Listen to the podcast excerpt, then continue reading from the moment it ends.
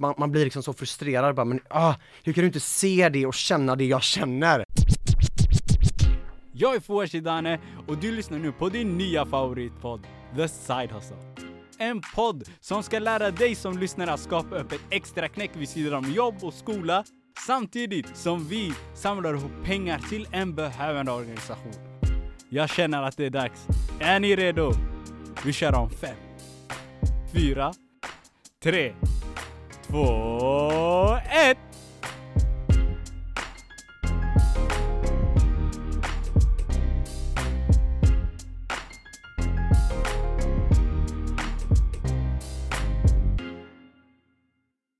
Mina damer och herrar, we're live and we back again! Så jag älskar din energi, alltså, det är helt fantastiskt. Det är kära programledare Fouad Shidane här, tillbaka ännu en gång med en fantastisk gäst. Dagens gäst är en prisbelönt entreprenör och har startat bolaget Oddwork som har tagit en fantastisk resa och har precis bara börjat. Mina damer och herrar, dagens gäst Charles Sinclair. Hallå! du vet, det där det är, en härlig introduktion att få alltså. Det är mycket att leva upp till. Eh, det är gott att se, jättekul att vara här. Jättekul Hur mår du. Charles? Jag mår jättebra, hur bra som helst. Mm. Ehm, jag tycker att det här är ett fantastiskt initiativ. Eh, det är en jätteglädje att få vara här och, och prata med dig. Mm. Och jag fylls alltid av sån otrolig energi när jag träffar dig. Ja, bästa, bästa. så att, mycket. eh, nej, jag, jag ser fram emot vårt samtal. Nej, alltså på tal om energi, du kommer ju alltid in med ny energi. Jag kommer ihåg första gången vi träffades så hade du den, vad heter det, blixtknappen som Ja, du jag, alltid jag, hade vet, på ah, jag tog skjortan. inte på den idag, jag vet. I know, yes, yes, yes. Så jävla härlig energi. Men du, vem är Charles Sinclair? Vad är Oddwork? Do tell. Alltså, nej men så här är det egentligen att alltså Oddwork är, är um, ett av Sveriges idag ledande employer branding eh, bolag eh, som jag startade tillsammans med två av mina bästa vänner eh, och tillika även partners i, idag eh, och vi ehm, hjälper våra partners, företag där ute att ta ansvar för eh, att bli riktigt grymma arbetsgivare. Eh, och vi hjälper också kandidater där ute, alltså talanger, att eh, hitta sina nästa drömjobb. Så att det är det vi gör som bolag idag. Så att så är det. Men detta med employer branding, det låter ju jättefancy. Vad är employer branding? Ja det är en bra, alltså exakt precis. Det finns mycket sådana här fancy, fancy terms i den här världen. Alltså i grund och botten ser det som så här att om du tänker på ett företag så har ju det företaget ett behov av att attrahera och rekrytera och utveckla sina medarbetare. Det är ju liksom hela det stora värdet i bolag, det är ju människorna där. Och eh, för att vara duktig på att göra det, för att lyckas attrahera eh, och rekrytera och behålla idag, så måste du helt enkelt eh, jobba väldigt aktivt med det som kallas för ditt arbetsgivarvarumärke. Och på engelska är det employer brand, men också såklart med din företagskultur. Eh, och det är det vi hjälper företag att eh, göra. Mhm. Men det hela började, if we go way back, så började allting på Handelshögskolan och där var det endast som ett rekryteringsbolag. Det var det, alltså just Oddwork var det så. Sen om man går ännu längre tillbaka i och med att jag och eh, Niklas och Pojan eh, som är mina partners, vi går ju tillbaka, alltså vi, vi startade ju vårt första bolag när vi var 14 år. 14 Eh, år? Ja, ja, så det var, det var liksom, vi går way back, men just Oddwork startade när vi gick på Handelshögskolan, det Okej, stämmer. men då, då började vi vid 14 år, sen kom ett Ja, Oddwork. okej, okej, okej. Nej men så då var det som så här att jag, jag, hade, jag hade bott i Australien eh, ett år, eh, utbyte, när jag gick i gymnasiet. Och när jag kom tillbaka därifrån så fick jag möjlighet att segla eh, ombord på eh, den här Ostindiefararen Göteborg hette den. Det var Okej. ett eh, liksom, skepp som seglade från Sverige hela vägen till Kina. Eh, och där var jag med på den sista rutten som det skeppet seglade mellan Indonesien in till Kina. Eh, och då var, du vet, jag var 14 år, hade precis bott i Australien och liksom hittat den här man säger ju att entrepreneurial bug eh, biter en eh, om, om man vill, vill eh, leva eh, eller fokusera på den vägen i livet så att säga. Och det var vad som hade hänt mig när jag var i Australien, eh, kom in till Kina och kände bara wow, här finns så mycket möjligheter. Alltså, Och eh, någonting som vi såg då, det var just att ehm, var dina vänner med dig då? de var inte med då, Mm. eh, utan eh, vi känner varandra sen, sen lång tid tillbaka, men de var inte med just då. Men i Kina så såg vi detta att wow, liksom här, du vet, alla, alla eh, beställer måttsydda skjortor. Mm. Ehm, och det fanns liksom inte alls på samma sätt i Sverige. Mm. Så vi funderade på, kan vi helt enkelt hjälpa svenska eh, kunder att Mm. måttsy skjortor eh, för att få liksom bra storlek. Det är svårt för många Mm. eh, att hitta perfekt storlek. Så det började, vårt första bolag hette Cesarotti, eh, vilket ju är så här, hur stavar man ens det? Mm. Eh, jättesvårt att komma ihåg och det här var långt innan e-handel liksom ordentligt pangade på och slog igenom. Okej. Så att, ehm, men det var vårt första bolag där vi liksom via en onlineplattform lät svenska kunder beställa måttsydda skjortor som vi sen Och du var upp i Kina. 14 bast? Ja vi var väl, ja 14, alltså vi startade när 14, 15 och så drev vi det liksom ett par år där, 14, 15, 16 typ. 14 bast, jag käkade sand. Fattar Du vet, ja, men alltså det, det, alltså det, det var ju också ett, ett eh, sån där typisk liksom, affärsäventyr som inte heller flög. Eh, Mm. som typisk läxa liksom. Så att det kanske var bättre att ha käkat sand än att eh, göra det, vad vet jag. Men, men det var första, det var första Ja. som vi gjorde. Och sen så har det bara byggts på efter det va? Sen så byggdes det på, alltså vi, vi insåg ju, det är ju så här med entreprenörskap om man funderar på att starta bolag och det är ju grymt att göra det när man är student, alltså när man är ung. För att eh, med största sannolikhet så har man ändå inga pengar eh, att röra sig med, eh, mer eller mindre så att säga. Så att, att starta ett bolag då, när man ändå lever i en verklighet där man inte har så mycket pengar att röra sig med, det gör ju att man blir duktig på att vända på varje krona. Eh, och det där är ju superkey när du startar bolag också. Ehm, så att eh, vi, gjorde, vi gjorde det, vi, men vi insåg att det här skjortbolaget, eh, det kommer liksom inte, det kommer aldrig kunna flyga. Ehm, så att då blev det istället när vi gick på Handels, jag och Niklas och Pojan, så tänkte vi eh, istället att då var vi studenter och frågade oss själva vad, vad, vad kan vi hitta för aff- affärsidé som kan vara kul både för studenter och för eh, varumärken och företag eh, Exakt. där ute. Och då så tänkte vi att, ja men okej, varför är det som så att på alla universitet eller skolor, eh, vart man än är, kaféer liksom, som ligger i anslutning till universitet. Ehm, studenter köper mycket kaffe i regel eh, och vi tänkte också att man käkar mycket pizza när man ligger eh, och är liksom trött någon dag efter en studentfest eller vad det nu kan tänkas vara. Mhm. Eh, du vet där du känner igen dig. Så vi tänkte liksom helt enkelt att, ja men hur, vore det inte kul om varumärken och bolag kunde trycka studentbranding, eh, alltså studentkampanjer på take away kaffemuggar och på pizzakartonger. Eh, så det var det vi gjorde eh, i det som heter Odd Bird, eh, som var det bolaget. Ehm, så att eh, det satte vi igång med, eh, lyckades eh, köra ett gäng eh, kampanjer med ett par häftiga varumärken på det. Men även det till sist eh, insåg vi att äh, det här kommer liksom inte heller kunna skalas upp. Men tjänar ni pengar på det? Vi tjänade lite pengar på det, eh, det gjorde vi. Och det, så att det var, det var liksom första det var första företaget där vi faktiskt tjänade lite pengar så att vi i alla fall kunde liksom finansiera, så man fick lite eh, lön och liksom fick saker och ting att snurra runt. Men det blev en brygga sen när vi nådde slutet av Handels. Där vi började se att då började vi göra oss redo för att komma ut och börja jobba, eh, komma ut i karriären. Och det var då vi såg eh, det som utvecklades till Oddwork, som Okej. vi driver idag. Och när, innan, innan vi går in på Oddwork då, om man spolar tillbaka till då Oddbird. När ni väl skulle börja, vad, vad tror du det viktigaste var när ni skulle börja just det företaget? Ni var ändå studenter, ni hade ändå plugg och annat vid sidan om. Ja. Vad var det viktigaste att fokusera på när detta skulle starta? Alltså jag, jag minns så väl, alltså när vi satt med, eh, med, med just Odd Bird, att det är, så, det är så lätt tror jag, eh, när man ser entreprenörskap som en väg man vill vandra, att det, det kan vara väldigt entusiasmerande. Det, det är lätt en bubbla, den här entreprenörsbubblan. Eh, där själva driften och skapandet av ett bolag, bara att göra det i sig självt, kan bli lite, vad ska man säga, hypnotiserande. Där man eh, i grund och botten kan missa att, eh, för, så här, finns det ett behov Exakt. av det vi funderar på att starta här? Eh, och det, det, kan låta, det kan låta konstigt eh, när man beskriver det, för jag tror att alla som, som tänker på det skulle säga, ja men det är klart man måste kolla att det finns ett behov av det man funderar på att utveckla. Men det är lätt att bli hypnotiserad på något sätt, det är förtrollad eh, av entreprenörsbubblan.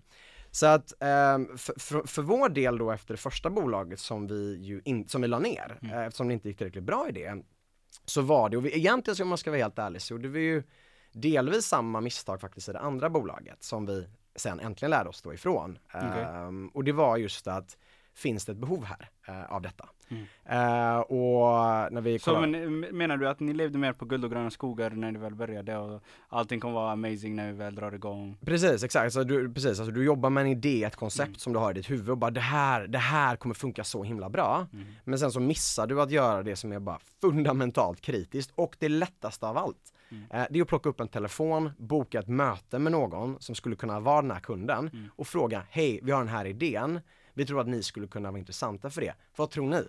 Är det här någonting som ni hade varit intresserade av om vi hade erbjudit det? Och jag tror att det är väldigt många, jag har sett det i, både i mig själv eh, men också i unga entreprenörer som jag haft glädjen att liksom eh, träffa under de senaste åren. Att det, det är lätt att man förälk, förälskar sig Mm. eh, i idén eh, man har så till den grad att man glömmer att stämma av att det faktiskt finns ett behov. Och att göra det är, alltså det är, det är trots allt ganska enkelt för du behöver egentligen bara våga plocka upp en telefon eller skriva ett mail eh, till någon som du tror kan vara aktuell Mm. eh, för det här och, och, och, och boka ett möte, ta en kaffe. Och där hjälper ju kontaktnätverket också. Och på tala om kaffe, vill du berätta hur vi lärde känna varandra? Alltså du vet, ja, men, alltså det var ju helt, eh, ja precis, alltså ja det var ju exakt, alltså nej det var ju, eh, jag hade ju glädjen att, att vara en av eh, gästerna där på Börshajen. Mm. Mm. eh, som, eh, som har blivit en, en, en fantastisk eh, plattform som Mm. Andra Farad har lanserat. Eh, där hon ju egentligen lär ut, ska man säga, börskunskap. Mm. Alltså att, att göra, liksom demokratisera börsen, inte eh, få det att vara så himla komplext, Mm. vilket eh, hon har helt rätt i att många säkerligen upplever. Shoutout till andra och det finns en plats säkrad för dig på podden om du vill, bara så du vet. Ja, hon, hon måste vara med. Hon har en, fant- alltså en fantastisk eh, resa som hon har gjort eh, och Mm. fortsatt gör. Mm.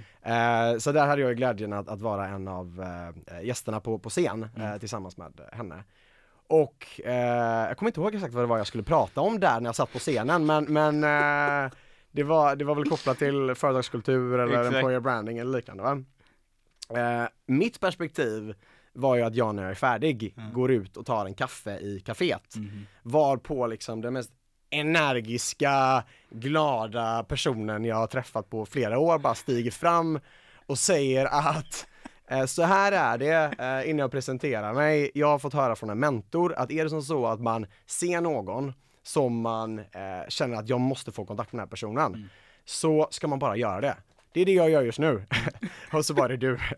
Eh, det var så vi träffades, så minns jag det. Eh, hur minns du det? Och från min sida var det då att m- mina vänner hade pratat om detta eventet, det var gratis biljetter och gratis är ju gott. Det det. Så jag bara alright, fuck it, skitsamma, vi går. Vi kommer in och sov vi oss ner, det var mycket, äh, mycket aktier och lite sånt, så jag bara ah, detta börjar bli lite långtråkigt nu. Men det var väldigt värdefull kunskap, så jag sitter där och antecknar. Sen så hoppar du upp på scen med världens energi. Och eh, alltså, a real G känner igen a real G. Så du sitter där, skrattar, vi har det bra, du berättar om kultur. Jag kommer knappt ihåg vad du pratar om, men jag visste jag gillade dig. Så sen efter allting var slut, eh, vi, jag och mina vänner, vi high-five varandra. Fan detta var bra ändå, vi lärde oss mycket. Sen så ser jag dig, alltså det var helt sjukt. Jag ser dig vid, vid ett hörn, du sitter och dricker ditt kaffe. Sen jag bara, har de inte kaffe backstage? Alltså. Sen, eh, jag säger till mina vänner, jo jag ska gå fram, jag ska, jag ska gå fram och hälsa. Ja. Vad är det värsta som kan hända? Nej, vad är du sjuk? Eh, Gå inte fram, Mm. nej, nej, han är viktig, han är upptagen. Såklart han är viktig, men eh, Nej, det skadar inte.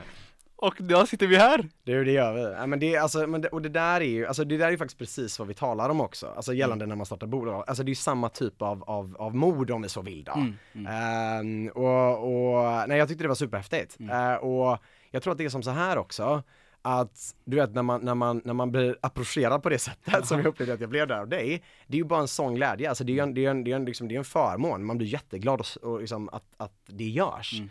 Så att, eh, eh, så här, fortsätt verkligen med det, men Mm. jag tror att det är någonting som fler av oss borde applicera och ta till oss. Mm. Eh, för det gör hela skillnaden. Alltså så här, våga bara gå fram och prata Verkligen. med eh, personer. Och idag, som sagt, så är du Head of Employer Branding på Oddwork. Yes.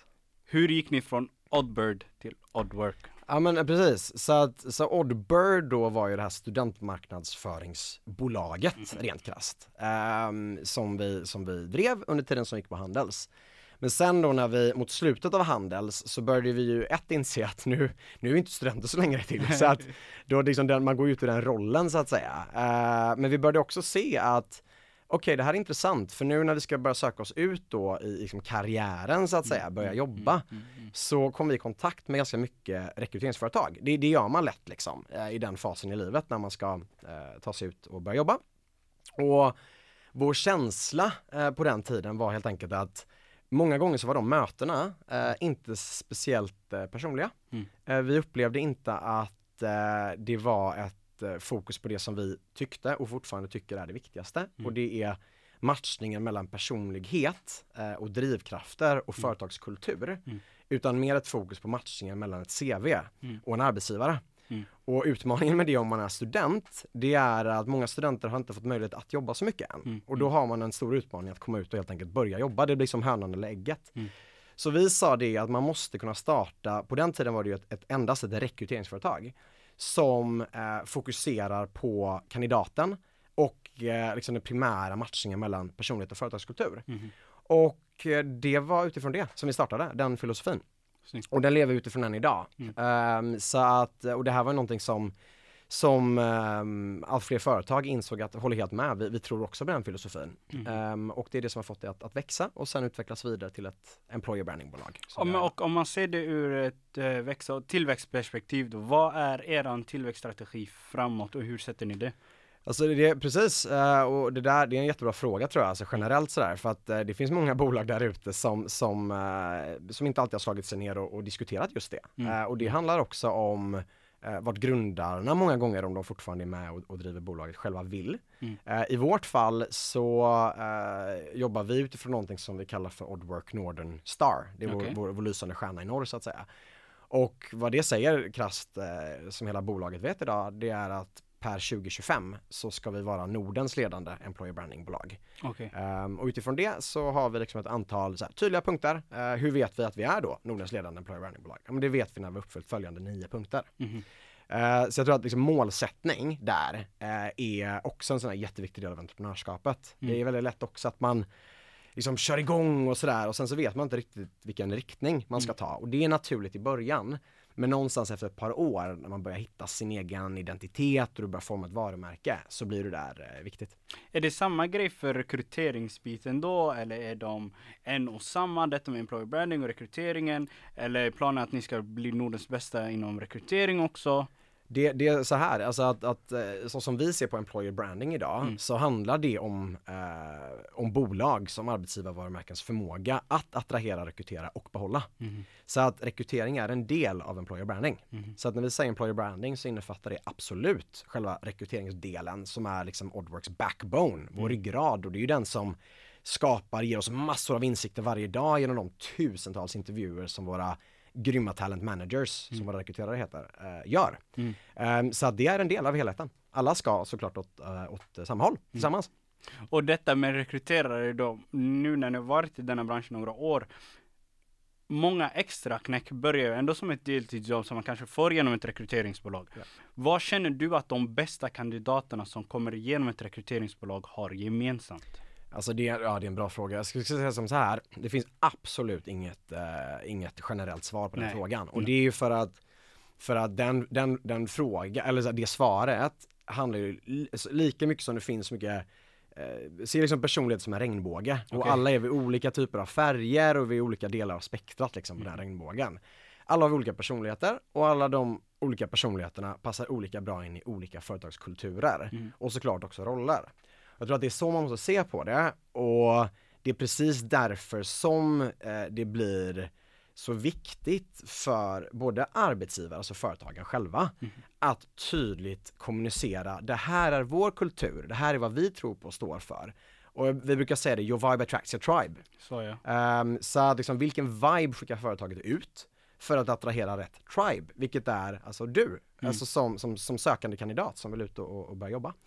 Uh, så att där har, uh, där har ju liksom, som kandidater idag så har vi ju um, möjlighet att researcha arbetsgivare mm. på ett helt annat sätt än vi hade för bara ett par år sedan. Mm.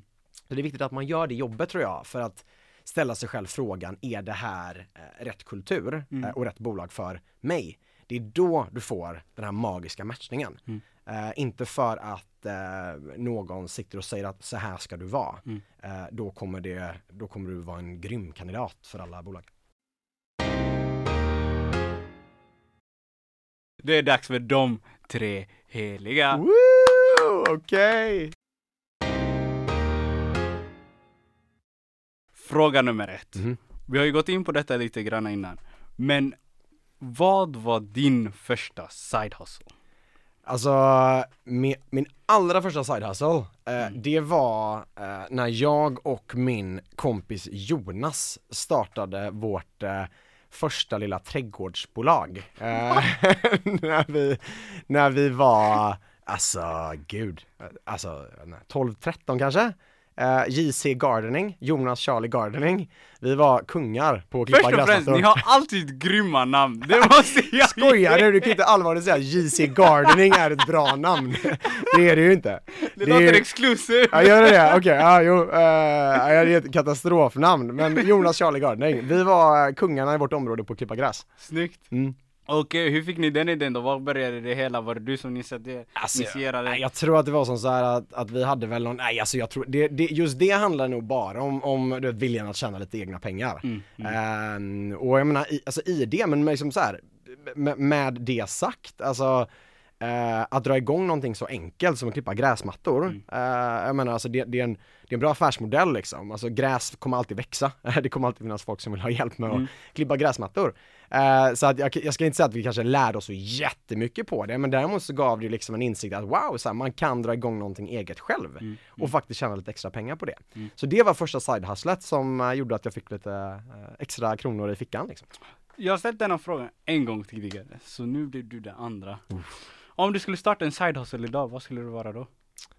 Nej men alltså, om jag hade startat en, det är en jättebra fråga, gud vad, gud vad bra fråga. Ehm, alltså det är svårt, så här, nu är mitt perspektiv på det liksom mer så här i, i, i sammanhanget jag verkar. Mm. Eh, och då blir det liksom mer att jag så här, direkt går in i employer branding tech Mm. eh, lösningar.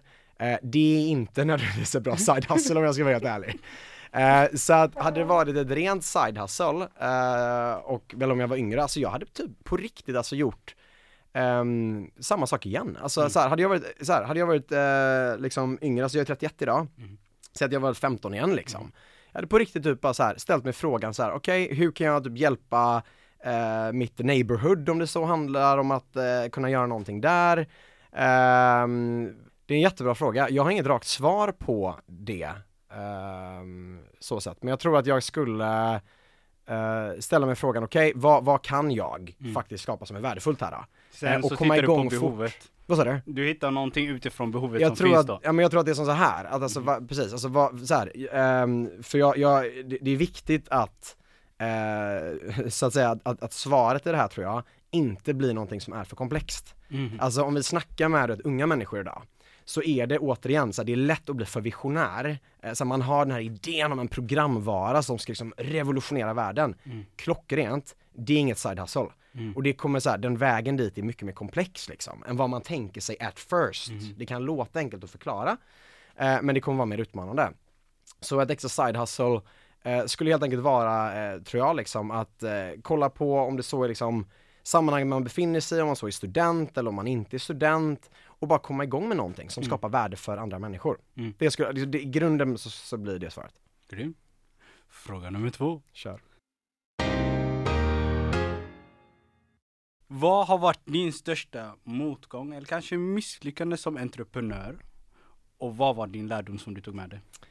Alltså, eh, jag skulle säga att, men största lärdomen, eh, det är att, eh, och misslyckandet, det är att inte ha insett hur, ehm, för, jag ska inte säga förödande, det är ett väl starkt ord, Mm. men när du inte fokuserar på det du är bäst på.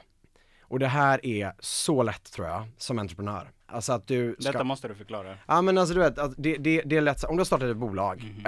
eh, så är det av naturliga anledningar som så att du har varit där längst. Eh, så att du, du, det blir lätt att du lägger för mycket på, på din tallrik så att säga, alltså too much on your plate liksom. Alltså att du, ehm, du, ska, du ska ha fingrarna med i allt och du, liksom, du tror dig kunna eh, vara expert inom alla områden. det kan funka i början så här, det är naturligt i början. Eh, men när du börjar anställa människor och ehm, du hamnar i en situation där du helt enkelt börjar hålla på med saker som du inte är bäst på, som andra människor är mycket bättre på än du själv. Mm, mm, Eh, alltså vi sitter ju här idag, vi spelar in den här podden, Mm. men det är inte som så att du gör alla delarna kring den här podden, eller hur? Alltså vi har experter här som går in på klippning, på filmning, Mm. på den här studion vi är i. Shoutout till Beatrice, Ottilia och Heidi. Verkligen alltså. Och, och du vet, det är inget annorlunda egentligen än att, att, driva ett bolag än att sätta upp om det så är en podd eller vilket projekt den handlar om. Mm. Och jag tror att det är, det, är en, det är en enkel fälla för många entreprenörer att gå in i, att man eh, fokuserar och hamnar i en situation där du gör saker som du bara helt enkelt inte, inte är bäst på. Mm. Och jag tror att det kräver ett par år och helt enkelt ödmjukhet och, och misslyckanden Mm. som jag i högsta grad varit, varit liksom en del av innan man inser att Gud, så här, jag ska inte, det här är inte vad jag ska göra Mm. i det här bolaget som råkar vara det som jag startade. Eh, Det finns andra bättre personer för det. Och den insikten eh, och, och misslyckandet har ju legat i att jag under flera år, och även mina partners, har varit liksom haft roller eh, inom saker som vi bara helt enkelt inte varit bäst på. Mm. Där vi idag har förmånen och lyckan att ha väldigt mycket, som du sa förut, smartare och bättre personer som gör de bitarna som vi helt enkelt inte är tillräckligt bra på. Grymt. Så helt enkelt att kunna ta ett steg tillbaka, kunna fokusera på det man är bra på, omge sig med människor som är bättre än på det man inte är bra på. Det, det är lätt att säga också, Mm. eh, sådär, för det är logiskt när man hör det. Eh, och det är liksom inget, det är inte, så är det ju, alla köper nog in på det. Eh, Det är svårare att göra det.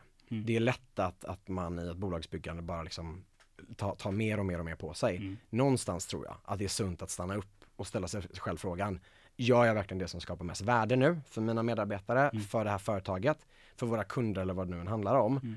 Och kan man se sig själv i spegeln där och vara riktigt ärlig Mm. med, nej, inte. Hitta en annan väg i det. Mm. För att fortsätter du på den vägen så kommer du ett, bara, du kommer aldrig klara av det och det kommer inte bli bra för någon. Fråga nummer tre. Kör! Fråga nummer tre Charlie, det är då 2020, väldigt speciellt år. Mm. Många ups and downs. Vad är de största lärdomarna du tar med dig från detta året? Wow. Ja, alltså det- Året är ju inte ens slut. Nej det är inte precis, det är inte, det är inte slut än. Eh, exakt, alltså nej men det har ju varit för, för, för alla. Eh, så har det ju varit eh, ett helt extraordinärt år såklart. Ehm, du vet alltså, när- alltså vi, vi drog igång, eh, vi drog igång bolaget så att säga ett par år efter finanskrisen, eh, som var 28-29.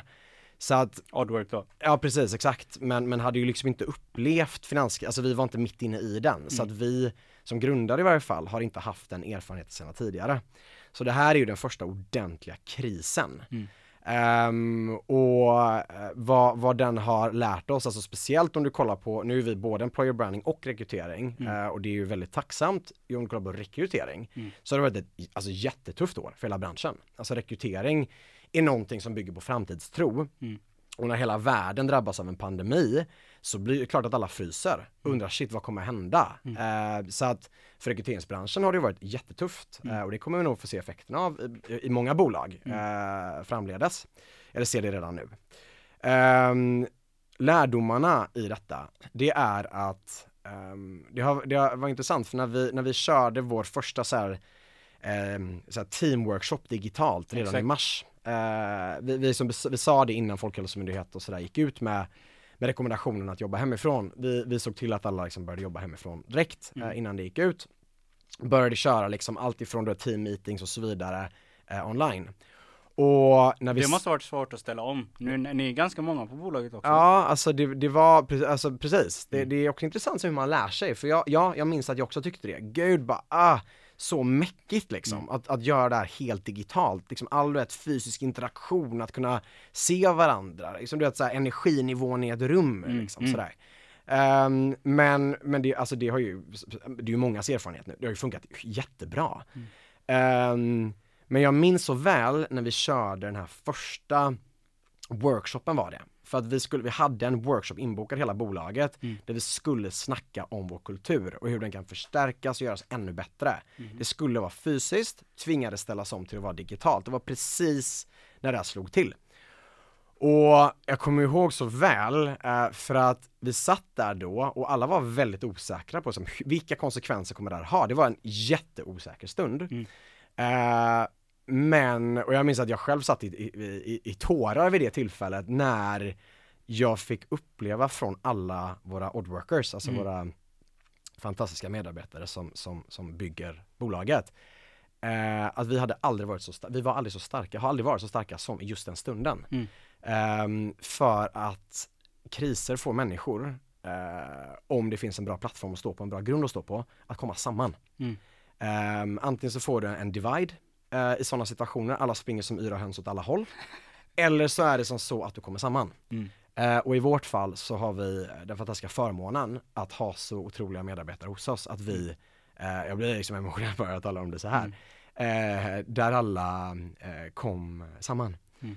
Ehm, så lärdomen i det, som svar på din fråga, det är att ehm, det är så viktigt att Mm. omge sig själv eh, och framförallt när du växer som bolag, om du gör det, eh, identifiera och anställa rätt människor. Mm. Ehm, det är helt avgörande för att då tar du dig igenom de värsta kriser också. Så himla fint och klockrent. Och hur ska ni då göra nu för Oddworks skull då? När rekryteringsbranschen har tagit en, en svår hit. Hur ska ni komma tillbaka efter detta? Hur ska ni få upp era siffror igen? Vad är visionen, målen där med siffrorna? Yes, nej men alltså det som är fint nu då, alltså det, det, det man ser att marknaden är på väg tillbaka Mm. eh, på ett bra sätt. Så att det här har ju varit en jättevärdefull tid att fokusera på andra saker som du kanske inte hunnit med tidigare. Mm.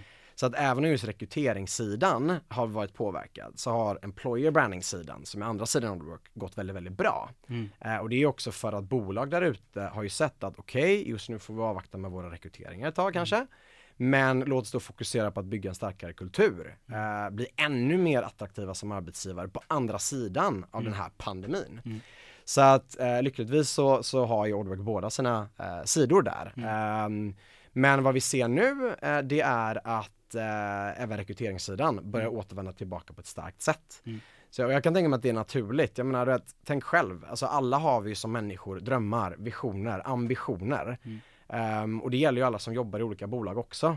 När alla de drömmarna och ambitionerna och målen pausas Mm. av god anledning såklart, Mm. med tanke på situationen vi alla har varit i.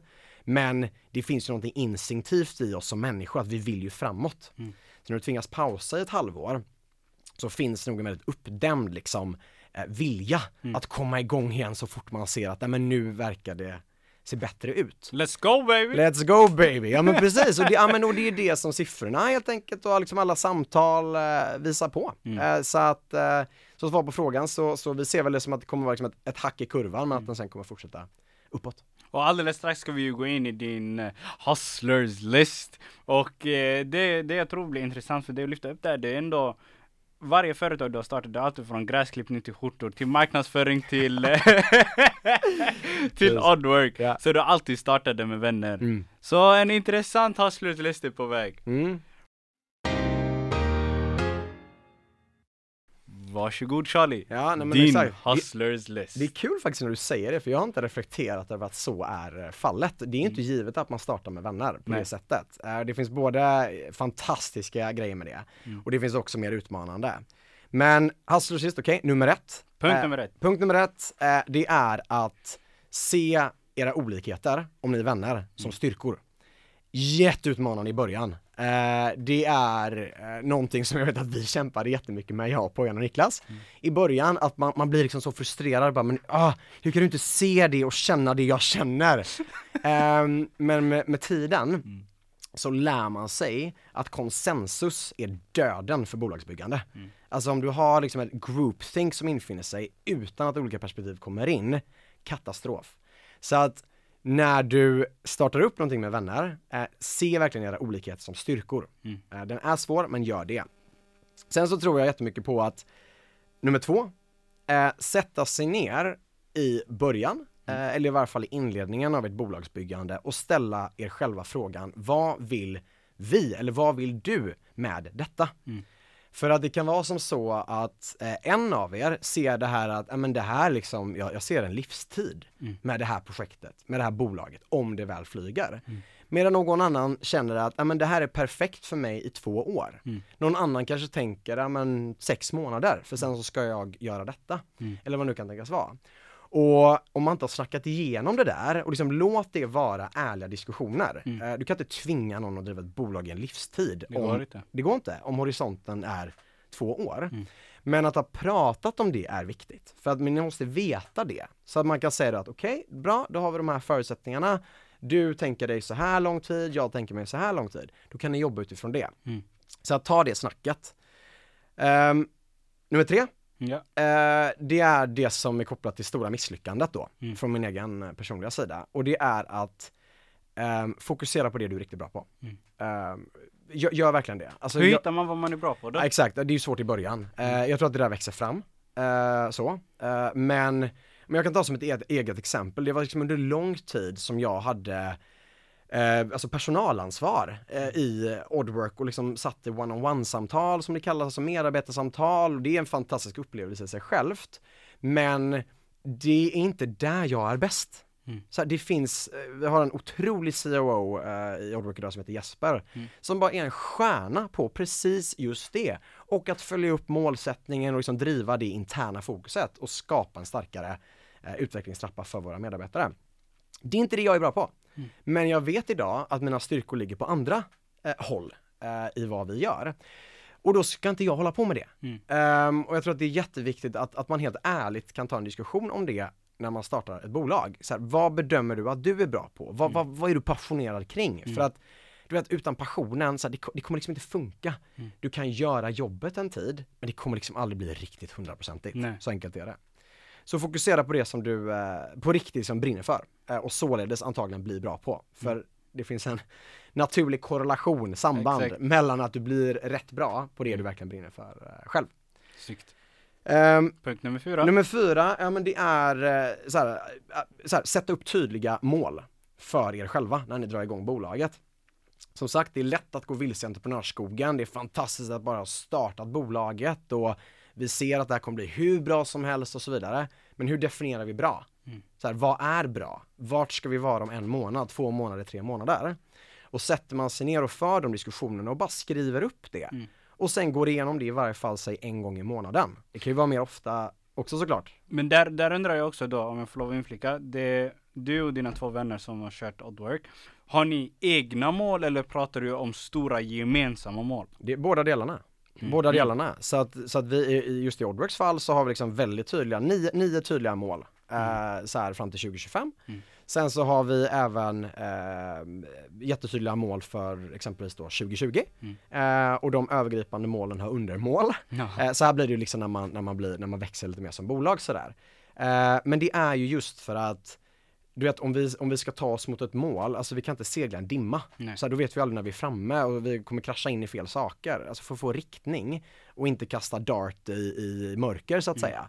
Så behöver vi veta att, ah okej, det- jag ska dit och sen ska jag dit och sen ska jag dit.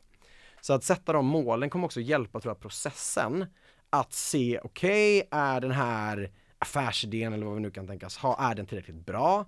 Ser vi att vi rör oss framåt? Ehm, så sätt mål Mm. och följ upp på dem. Ehm, nummer fem, Sist men inte minst. sist men inte minst. Och det här är utifrån kontexten om du startar med vänner. Så här, fira, fira och ha kul med bolaget. Mm. Eh, det är, eh, det kan lätt bli som så här och, och jag vet att jag har sett det i många bolag eh, också över tid. Vänner startar ett bolag, men när åren går så förvandlas de från vänner till kollegor. Mm. Ehm, och så glömmer man hela kärnan till varför bolaget startade. Så ni startade ju på grund av er vänskap. Mm. För att ni litade på varandra förhoppningsvis, för att ni såg både olikheter och styrkor i varandra. Om man inte underhåller vänskapen så kommer det inte funka. Mm. Ehm, så att det är jätteviktigt att, att liksom fira framgångarna ni har dem, liksom också aktivt så här, stick iväg. Liksom, om det har gått bra eh, i, i vad det nu kan tänkas vara, stick iväg och fira det. Kom ihåg varför ni drog igång det Mm. som vänner genom er vänskap. Mm. Tappa inte den. Grymt. Där har Det de. var din avslutslist. Det var sist. Charlie, tusen tusen tack för idag. Tusen tack min vän. Innan vi avslutar, finns det någonting du vill promota? Hur kommer man i kontakt med dig? Du, jag skulle säga att enklaste sättet om, om man vill göra det, det är nog via LinkedIn faktiskt. Eh, så det är bara att söka in Charles Sinclair där och, och liksom lägga till mig eh, och skriva lite meddelande. Det är nog det lättaste sättet. Om någonting du vill promota? Nej, men jag tror att, att eh, hela det här initiativet som ni har dragit igång här, superviktigt. Eh, och jag hoppas bara att den här typen av samtal, jag är övertygad om att den här typen av samtal, även om grymma gäster som jag vet att ni har haft tidigare Mm. och kommer ha framåt, att det kan ge människor en ärlig bild Mm. eh, över hur eh, det är att ha just ett side hustle. Mm. Så att eh, nej, från min sida, jag behöver inte promota någonting här idag. Mrs Sinclair, tack för idag. Tack så jättemycket. Kära side hustlers och full-time hustlers. Ni har lyssnat på The Side Hustle med mig, Fouad Shedane. Teamet består av Ottilia Tuneroth, Beatrice Ha och Heidi Botic. Originalmusiken gjord av Kevin Rastenberger. Tillsammans med er lyssnare ska vi samla ihop en miljon kronor till förorten. En entreprenörskapstävling som vi ska ta till Göteborg och Malmös förorter. Donerar du 100 kronor eller mer så har du möjligheten att få träffa våran intervjugäst. Vill du ha mer information gå in på www.thesidehustle.se eller besök The Side Hustle Sverige på våra sociala medier. Until next time, ha det så bra!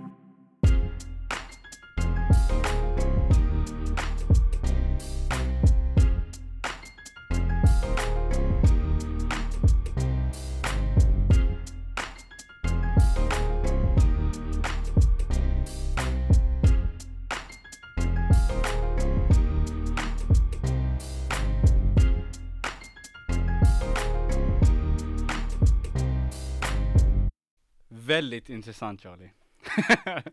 Eller var det en snygg övergång? Ja, det var ju det.